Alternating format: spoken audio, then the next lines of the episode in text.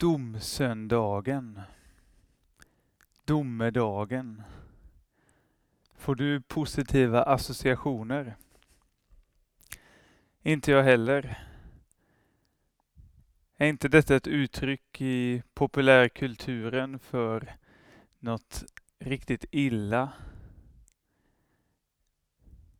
Det är en katastrof som är på väg när det börjar talas om domedagen. Som jag förstår så är vi som en del av svensk kyrklighet en, en ganska, ganska unikt att tala om denna söndag som domsöndagen. Det är ju så att, att många kyrkor har ett kyrkår som, som tar slut denna söndagen. Första advent nästa söndag, det är den första söndagen på kyrkoåret. Och vi befinner oss därför i kyrkoårets slut och blickar också då mot tidens slut. När Jesus ska komma tillbaka. Jesu återkomst.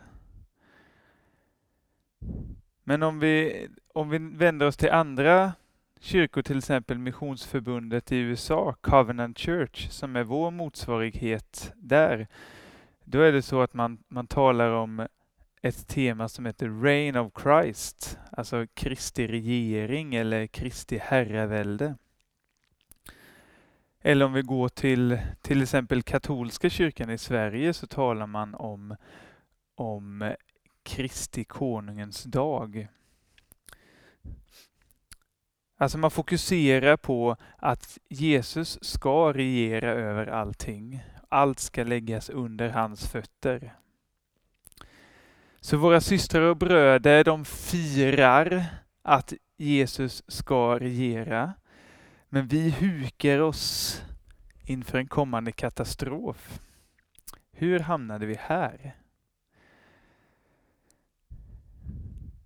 Det vi talar om denna dagen, Jesus ska komma tillbaka. Då skriver Paulus att den dagen ska Jesus härska tills varje välde, varje makt, varje kraft, ja till och med döden ska läggas under hans fötter. Alla som tillhör honom ska få väckas till ett nytt liv. Men denna dagen innebär också, som vi kan läsa i, i dagens text från Matteus evangeliet, att änglarna ska gå fram och skilja de onda från de rättfärdiga. Och det kanske låter mindre trevligt.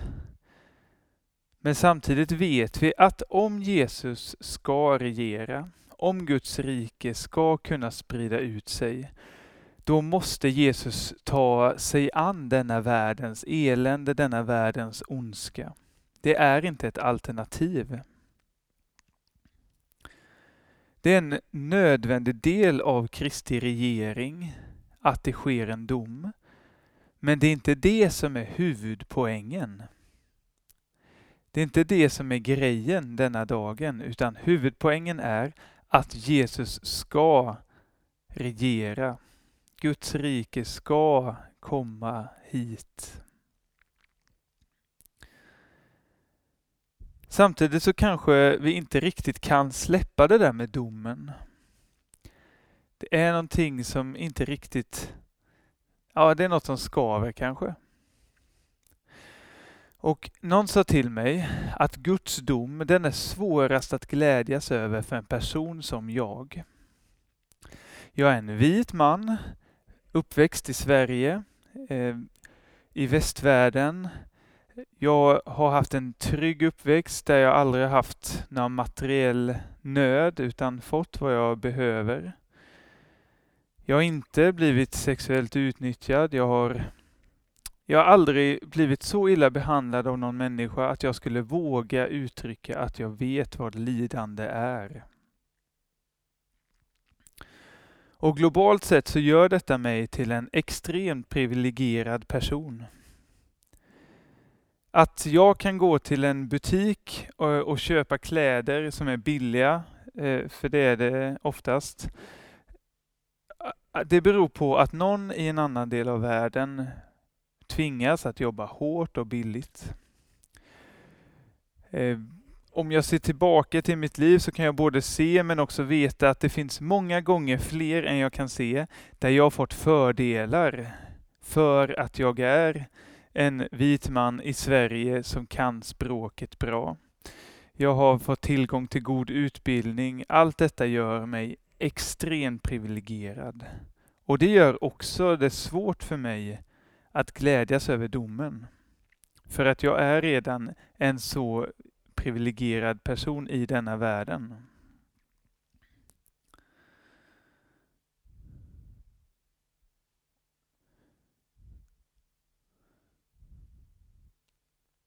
Och det är ju på många sätt så här vår värld ser ut. Den är inte rättvis. Och det, det är ju någonting som många människor försöker förändra på. Det höjs röster hela tiden på eh, för att rättvisan ska råda. Om vi tar ett exempel så för några, tre år sedan ungefär så kunde vi lite överallt i tidningar, på sociala medier se hashtag metoo. Där kvinna efter kvinna höjde sin röst för att demonstrera mot hur många män som tar sig friheter att utnyttja kvinnor. Det här måste få ett stopp. Likadant så i år målades banderollerna om och människor gick ut med hashtaggen Black Lives Matter. Alltså rasismen ska få ett stopp. Rasismen har ingen plats i framtiden. Låt den begravas i historien. Det finns så mycket orättvisor i denna världen. Och om vi går till Bibeln och läser berättelserna där, då så är det ju så att det är väldigt sällan det är människor som jag Gud behöver backa upp. Utan det är istället, det är istället de här på, som är långt ner i hierarkierna. I Gamla Testamentet återvänder Gud till en trio som Gud har extra omsorg om. Och det är den faderlöse, det är invandraren och änkan. Det var de som var utsatta och det var de som, som utnyttjades i sin utsatthet och Gud sa, det räcker. Idag skulle vi kunna göra en lång lista på människor som är utsatta i vår värld. Och vi ser ständigt i nyheter i tidningar om hur det här fortgår. Och de här människorna, de tror jag har väldigt mycket enklare att glädjas över domens dag. För de ropar efter rättvisa. De ropar efter att slippa bli utnyttjade. De kommer på ett helt annat sätt kunna glädjas den dagen när Jesus kommer tillbaka och skipar rätt mellan människor.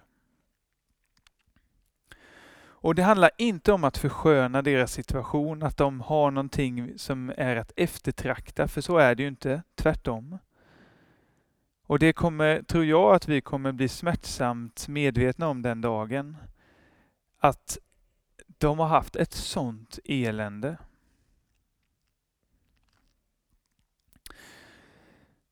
Men om vi verkligen, om vi ska försöka att, att förstå den här dagen, vilken glädjens dag det är.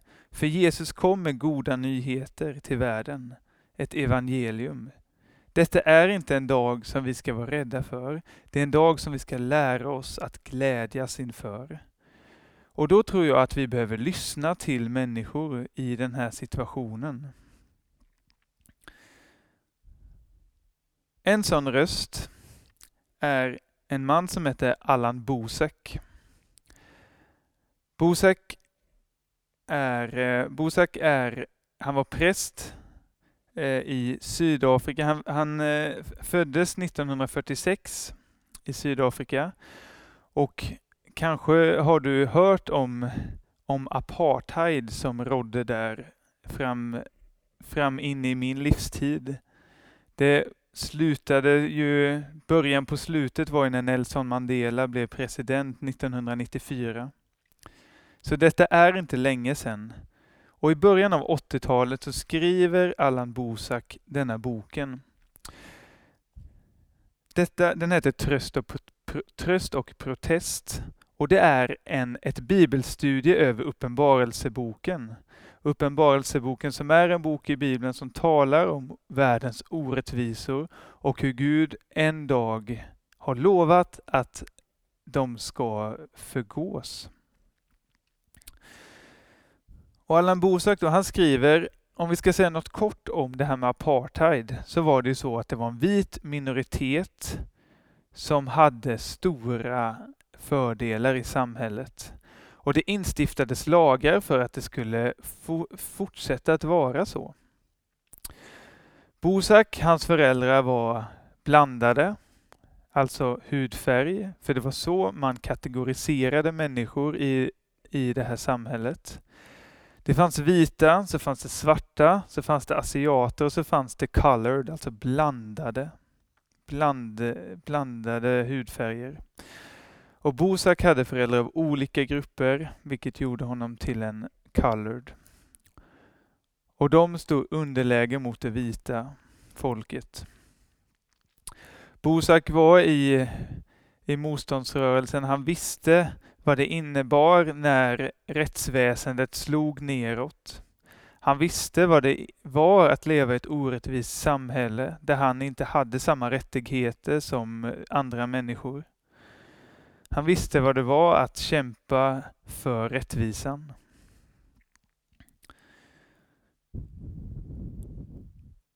Och vi ska inte gå in mer på den här situationen nu. Om du är intresserad får du jättegärna leta på eh, leta efter detta på internet och ta till dig mer information. Men det vi kan ta med oss är att Bosak var en del av en grupp människor som visste vad lidande var.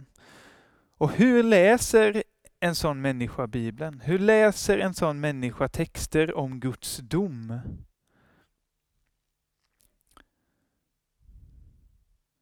Och jag skulle vilja läsa en bit ur den här boken då där han, där han, eh, där han lägger ut en text där Gud lovar en ny himmel och en ny jord.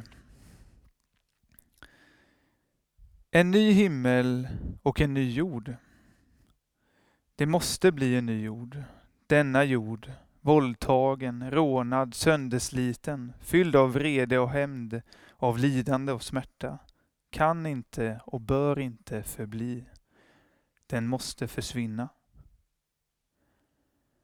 Det var inte utan orsak som Johannes så ofta använde uttrycket jordens kungar.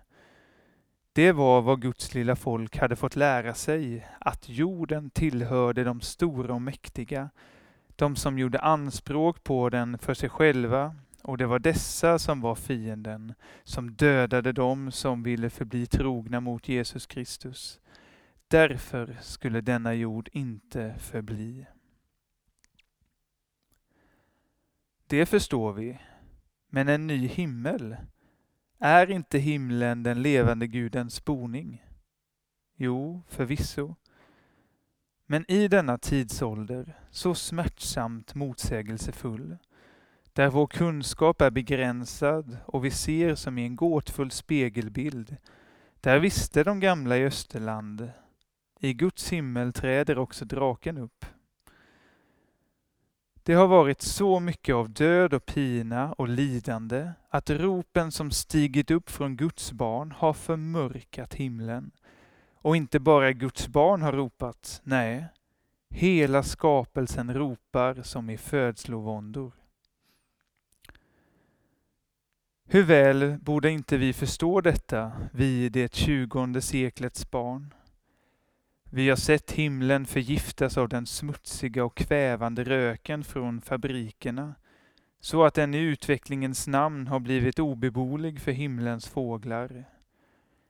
Vi vet hur missiler banar vägar av död genom stratosfären, för att låna Martin Luther Kings ord. Kan himlen någonsin bli ren igen efter Hiroshima och Nagasaki?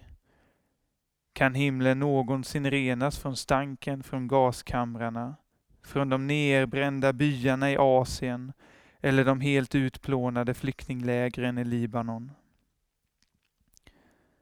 Eller från den allra värsta stanken, dessa starka och mäktiga män i höga hattar, gehäng och uniformer som hotar och lemlästar, krossar och dödar och sedan går till frukost med morgonbön där de anropar Guds namn.